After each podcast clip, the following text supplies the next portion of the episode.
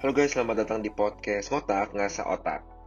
Gue juga sebenarnya bingung sih kenapa gue bisa ngasih nama Ngotak atau Ngasa Otak ini karena sebenarnya gue pengen cerita dikit aja sih tentang diri gue di mana gue tuh sebenarnya dulu itu pokoknya ya bisa dibilang juga kayak orang pada umumnya lah ya yang masih deman mencari jati diri gitu.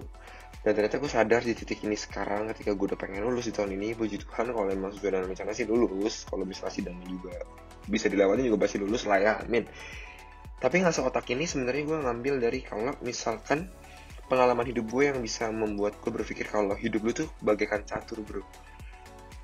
Catur itu benar-benar harus dipikirkan setiap langkah yang akan lo ambil. Majuin pion, majuin gajah, majuin ratunya apa pun yang bakal lo lakukan itu pasti ada perhitungannya.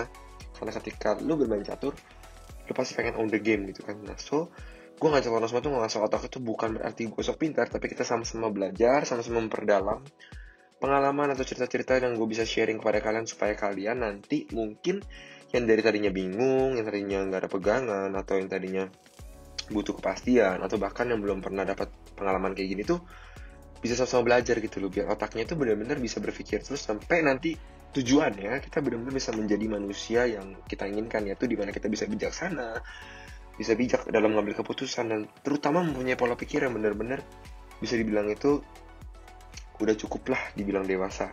Tapi gue bukan bilang diri gue udah dewasa loh ya. Gue cuma bilang harapannya ke arah sana. So sekarang kalau lu lihat judulnya adalah gue bingung cari duit. Nah gue sebenarnya kenapa gue ngangkat topik ini menjadi hal pertama kali untuk gue bahas bersama bareng kalian karena gini loh. Ngerasa gak sih kalian kalau misalkan nggak usah deh ada pandemi COVID-19 yang ada di Indonesia gitu ya? Mikir aja nggak sih kalau misalnya kita dulu saat masih anu masih SMA kuliah baru-baru baru baru baru masuk gitu ya.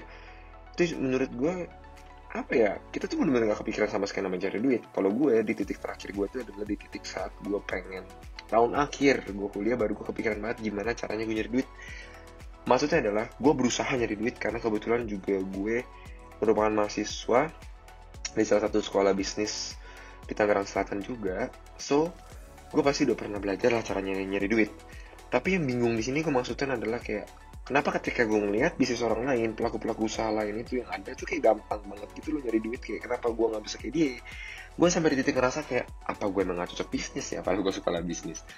Tapi ternyata gue salah. Gue cuma kurang matang aja untuk berpikir dan itu yang gue rasain gitu. Semakin banyak gue belajar semakin banyak gue mempelajari hal-hal yang menurut gue gue nggak pernah tahu sebelumnya tentang dunia kayak gini akhirnya gue sadar bahwa masalah ini sebenarnya masalah yang muncul gitu loh termasuk teman-teman gue atau circle-circle gue yang bahkan mungkin lo juga pernah bingung apalagi saat pandemi covid gue tahu banget lah lu punya banyak free time kan di mana lo pasti pernah dari satu titik yang kayak mikir gue ngapain ya? Gue gabut banget dah gue udah sering banget nonton Netflix scroll Instagram WhatsApp. Dan pasti di antara kalian juga yang lagi dengerin podcast ini juga pasti bakal mikir ya juga ya gue harus ngapain nih? Di umur gue segini harus ngapain? Atau di state keadaan sekarang yang gue pengen serius nyari duit tapi gue harus ngapain? Karena gue bingung.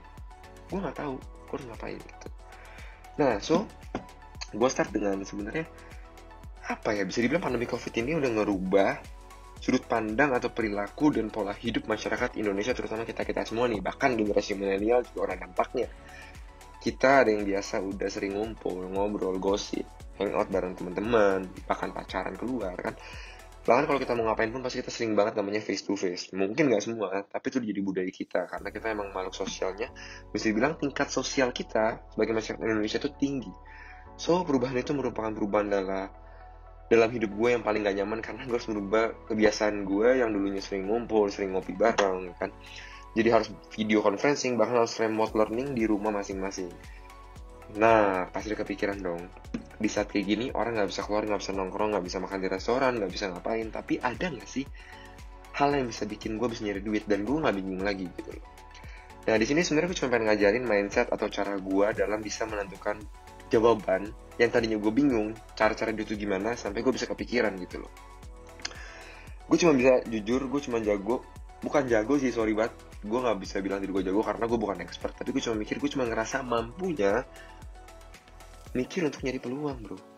Tapi kalau gue udah disuruh mengeksekusi plan itu gue ngerasa gue selalu tidak mampu. Karena mungkin gue belum pernah nyoba dalam itu dan gue masih penuh ketakutan karena masih banyak blank space yang belum gue bisa temuin maknanya. Nah langsung masuk lagi kita ke topik di mana impact coronavirus disease yang ada di Indonesia ini sebenarnya bikin apa aja sih? Dampaknya udah jelas banget bro. Jelas banget nih ya. 59% populasi umum di Indonesia itu bilang setuju bahwa pekerjaan dia dia tuh ngerasa udah tidak aman lagi karena dia bisa mungkin aja dia ngerasa sewaktu-waktu dia bisa dipecat atau diturunin gajinya. Nah, selain itu pendapatan juga merasa turun banget karena COVID-19 ini sebesar 59%. Dan yang paling penting menurut gue adalah perilaku konsumtifnya Indonesia, masyarakat Indonesia maksud gue, impulsifnya juga itu sangat-sangat menurun. Bahkan masih banyak orang yang ingin lebih berhati-hati dalam menggunakan uang. Dan lo mau tahu berapa banyak orang yang hati-hati dalam menggunakan uang tersebut? 82% dari populasi umum di Indonesia. Lu bayangin, 82% dan 17%-nya masih masih nggak preventing hal itu gitu loh. So pasti banyak pertanyaan kayak budaya yang sering terjadi adalah orang tuh impulsif. Ah ada ini gue beli. Ah ada makanan ini gue beli. Ah ada mainan ini gue beli. Ada baju ini diskon gue beli. Itu itu adalah hal-hal impulsif yang sering banget dilakukan sebelum namanya pandemi kan. Nah, sekarang gue ada pertanyaan juga sih. Pasti ada mikir kayak, ya gimana gue lagi di rumah, terus gimana cara gue bisa jualan atau bisa ngasilin duit gitu loh. Kalau misalkan gue kerja sama terus gimana? Gue gak bakal bisa ngasih solusi ke lu karena itu pilihan hidup lu. Cuman di sini yang bisa gue kasih tau ke lu adalah, kalau lu pengen belajar, even lu kerja sama orang, atau lu juga bingung bisnis itu apa, ya mungkin di sini merupakan uh, salah satu wadah ya karena sebenarnya tujuan gue bikin podcast ini salah satunya juga ingin uh, ada wadah bagi gue suatu platform gitu yang bisa gue tuangin semua ide-ide atau yang ada di otak gue tentang gimana sih bisnis pandangan gue gimana sih caranya biar gue nggak bingung lagi cari duit dan gue tuh harapannya kalian semua tuh bisa juga ngerti gitu. Nah so gue langsung masuk ke kategori bisnis nih. Kategori bisnis yang karena covid itu sebenarnya waduh jelas banget sih. Ada beberapa yang buruk dan ada beberapa yang menurut gue naik juga karena covid 19 jadi sebenarnya kalau dari pengalaman ini adalah gue pengen ngebuka mindset lu bahwa nggak semua sisi yang tuh harus yang buruk. Ingat, semua hal itu pasti punya dua sisi. Kayak koin aja bro, pasti dua sisi, atas dan bawah. Ya dong. Nah, so di sini akan gue bahas adalah perusahaan-perusahaan bukan perusahaan sih, maksud gue adalah kategori-kategori ekonomi yang naik saat COVID di Indonesia. Yang pertama, kebutuhan rumah tangga, personal care products, snacks, groceries, dan entertainment di rumah. Ini merupakan adalah kategori-kategori yang naik nih di Indonesia. Hal ini tuh bisa dijadikan peluang bagus untuk pelaku usaha yang ingin masuk di tengah COVID atau yang sedang ad, udah masuk dulu, udah nggak bangun usahanya di COVID atau yang masih bingung. Ini saatnya lu shifting, lu harus buka pola pikir lagi untuk bisa memanfaatkan momentum kenaikan kategori-kategori usaha tersebut di Indonesia meskipun saat COVID. Plus, gue pengen memperhatikan yang namanya needs konsumen. Nah, kalau kayak gini kan kita udah bisa bilang kayak konsumen itu atau masyarakat sendiri yang bisa dijadi, yang bisa lo jadikan sebagai target market itu nanti di peluang usaha lo saat lo ingin mungkin lo ngejual barang doang atau lo bikin bisnis itu pasti ada perubahan dari behavior dia atau perilaku dia. Nah dari sini tuh kita bisa tahu nih data itu kan mengatakan mereka sedang menyimpan uang untuk kebutuhan yang lebih penting, which is dia sedang berhati-hati dan pendapatan mereka lagi kadang terpotong sebesar 59% tersebut kan. Nah, kita langsung tarik lagi garis dari hasil observasi sih. Ini hal yang menurut gue kalian juga tahu sampai sekarang. Bahkan saat lagi podcast ini juga kalian udah tahu. Itu gue pengen nyadarin aja. Kayak perubahan perilaku masyarakat kita tuh lebih ke arah mana? Udah pasti wajib banget pakai masker dong. Terus yang kedua hand sanitizer itu menjadi hal yang sangat-sangat penting lo bawa. Nggak penting banget harus lo bawa tapi I mean like itu merupakan jadi barang pelengkap. Dan kalau gue pribadi sih gue bakal feeling guilty banget ketika gue nggak bawa hand sanitizer. Memang gue cuci tangan cuman gue jadi feeling insecure aja kalau gue nggak bawa bawa hand sanitizer. Nah berarti kita bisa bilang apa? Berarti perubahan shifting perilaku pola hidup masyarakat Indonesia ini udah mulai peduli tentang kesehatan dan kebersihan pribadi atau dirinya sendiri gitu loh. Hal ini sebenarnya udah bisa dilihat cuman emang gue nggak dapat datanya sih perubahan behavior ini sebesar apa. Tapi ini kita bisa bilang adalah nih berarti orang itu rela untuk ngeluarin uang yang tadi dia simpan untuk spending impulsif tapi ke arah yang mereka butuhkan yaitu untuk membuat mereka merasa secure. Hal-hal kayak gini tuh banyak banget sebenarnya yang bisa kita dapetin untuk peluangnya. Tapi gue nggak mungkin cuma cerita kayak gini, pasti ada yang banyak yang nanya juga kayak peluang doang, peluang doang. Gue juga udah sering banget dengar peluang dan tapi gue tuh gak bisa nentuin ya. Sama bro, gue gak bisa nentuin ya. Tapi gue pengen banget ngasih contoh bisnis real yang ada di sekarang ini di tengah pandemi covid ini tapi gue sorry to say banget gue nggak bisa sebut namanya karena gue takut menyinggung perasaan bisnis tersebut. Karena tujuan gue di sini kan gue bukan mencari ketenaran mencari apa pun tapi sebenarnya gue cuma pengen dijadikan sebagai wadah untuk gue sharing tentang apa yang gue pikirin kepada kalian. Kalian bisa cari aja yang namanya disposable P device.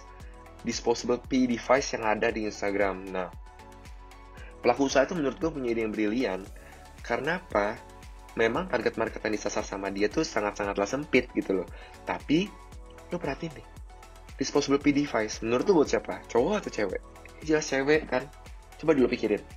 Cewek sebelum COVID aja udah pasti peduli saat mereka ingin memakai fasilitas umum, terutama untuk toilet. Kena pandemi lagi, ya pasti awalnya nggak butuh dong. Kenapa? Nggak new normal kok. Nggak boleh beraktivitas di luar kok disarankan di rumah. Tapi sekarang, untuk beberapa hal kepentingan, boleh keluar kan?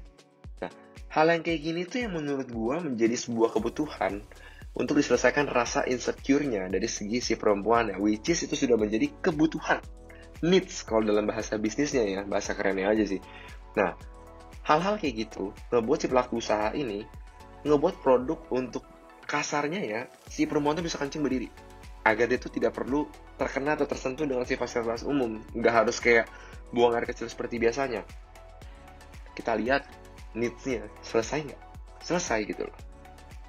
Peluangnya dalam bentuk apa sih sebenarnya yang pengen gue tawarin? Bukan produknya bro, kalau lu bikin produknya berkali-kali lu nggak bakal tahu. Gue harus produk apa nih untuk nyelesain masalah ini? Nggak bakal tahu. Lu harus nyari tahu tentang masalahnya dulu, masalah konsumen itu apa. Lebih ke arah mana? Bisa aja dong dengan kayak gini fasilitas umum bisa aja pihak-pihak fasilitas umum itu cuma memberikan kayak hand sanitizer selalu dibersihin toiletnya. Selesai dong masalahnya kalau sampai di batas itu. Tapi alangkah baiknya kalau kita bisa melakukan riset mendapatkan informasi lebih dalam lagi bahwa memang mereka tuh butuh alat yang bisa dibawa dari pribadi mereka supaya mereka feeling secure, merasa safe karena mereka tahu simpannya kayak gimana, mereka tahu pakainya kayak gimana karena mereka yang akan menggunakannya gitu kan. Nah, hal-hal kayak gini mungkin yang menurut gue si pelaku usaha ini yang disposable P device ini yang gue nggak bisa sebut namanya itu yang ngebuat produk ini gitu loh. Simpelnya adalah kalau nanya ini bakal aku apa nggak, gue nggak tahu karena kalau ini kan kita cuma bicara tentang gimana sih kita bisa dapetin peluangnya agar kita nggak bingung lagi masalah nyari duit? Gini nih pola pikir gue untuk cara nyari tahu gimana caranya gue bisa bisnis or gue nyari duit. Nah kalau gue lebih dalemin lagi gitu kan produk dia menjual nggak? Menjual nyelesain masalah nggak? Nyelesain masalah. Nah ini kan dari tadi gue cuma bahas tentang si pelaku usaha atau orang yang sedang melakukan ingin mengembangkan usaha atau bahkan sedang dalam bentuk rencana, lu bisa shifting nih bro ke arah needs konsumen. Lu bayangin aja produk lu sekarang atau usaha lu sekarang tuh produknya gimana. Nyelesain needs konsumen nggak gitu loh. Karena perilaku industri lain kayak F&B, fashion itu akan sangat beda bro. Mereka pasti akan lebih menekankan kepada higienitas atau kebersihan produk lu. Lu bisa bikin secure dia insecure dia hilang nggak? Sorry bukan secure tapi insecure ya. Kalau lu nggak bisa, ya menurut gua jujur aja sih, lu gak bakal jadi pilihan dia. Kenapa? Karena lu gak menyelesaikan needsnya mereka. Mereka pasti akan lebih prefer menunda pembelian produk lu. Kenapa? Karena ada data yang menyebutkan dari si McKinsey.com itu bahwa 82% dari populasi Indonesia itu lagi saving money untuk keperluan mendesak. Nah hal-hal kayak gini yang gue harap sih bisa lu ngertiin. Memang sih kita gantung tapi menurut gue gue gak bakal bisa cerita banyak tentang gimana caranya bisa ngembangin bisnis itu karena topik kali ini gue pengen ngerucutin ke arah sebatas cari peluang. Biar nggak too much information yang masuk ke kalian juga saat dengar podcast ini gitu loh. Menurut gue itu aja sih yang bisa gue ceritain dulu kayak mindset gue tentang gimana caranya gue bisa nyari sebuah peluang agar gue nggak bingung nyari duit adalah kayak gini gitu loh. Semoga gue berharap sih podcast ini bisa benar-benar bisa ngasah otak kalian juga. Bukan berarti gue pengen ngajarin dan ngerasa lebih pintar. Intinya kita sama-sama pengen membuat kemampuan kita dalam mengambil keputusan menganalisa suatu resiko situasi dan lingkungan kita itu lebih tajam lagi agar segala jenis kehidupan kita tuh bisa diukur dan memiliki keputusan yang tidak akan kita sesali. Karena gue yakin jika lu ngelakuin sesuatu aktivitas dan lu punya alasan untuk ngelakuin itu yakin banget dah sama gue lu pasti bakal jadi orang yang gak hilang arah dan lu yakin lu ngelakuin itu adalah hal yang paling benar lu lakukan. So menurut gue dari, daripada gue lanjutin podcast ini dengan basa-basi doang, gue benar-benar berterima kasih juga kalau misalkan lu dengerin ini dapat manfaat atau misalkan ada salah-salah kata dari gue atau gue ngomongnya belibet karena sebenarnya gue juga nggak sejago itu bikin podcast tapi gue emang demen banget sharing. So, kalau misalkan nanti ada pertanyaan-pertanyaan yang gue belum bisa jawab di sini, lu bisa feel free aja sih DM gue di at David Prayudi karena menurut gue sharing itu nggak harus tentang masalah pelit ilmu tapi menurut gue ilmu yang gue kasih pun nanti belum tentu bisa dipakai dengan baik orang lain dan jika memang kita pengen ngobrol lebih dalam lagi lu pengen lemparin pertanyaan tentang bisnis-bisnis lain lu juga bisa feel free DM gue karena honestly gue benar-benar welcome banget untuk bisa ngebantu kalian terutama untuk saling tukar pikiran karena gue sebenarnya cuman pengen bisa saling ngebantu di tengah pandemi COVID-19 yang ada di Indonesia ini terutama bagi kalian yang sedang bingung untuk mencari uang. So, thank you banget udah sekali lagi udah pengen ngabisin waktu kalian untuk dengar podcast ini. See you in the next topic. Bye-bye.